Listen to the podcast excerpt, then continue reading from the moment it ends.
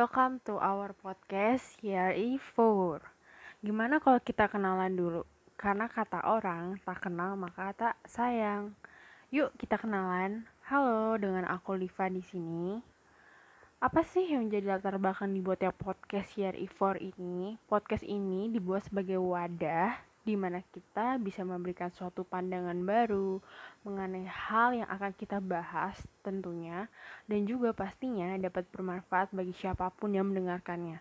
Uniknya dari podcast ini, kita nggak cuma bahas soal daily life aja, tapi kita bisa berbagi pengalaman serta inspirasi bagi siapa pun yang mendengarkan. Jadi stay tune and stay with us terus ya listener, karena kita akan bahas banyak hal yang menarik dan edukatif tentunya.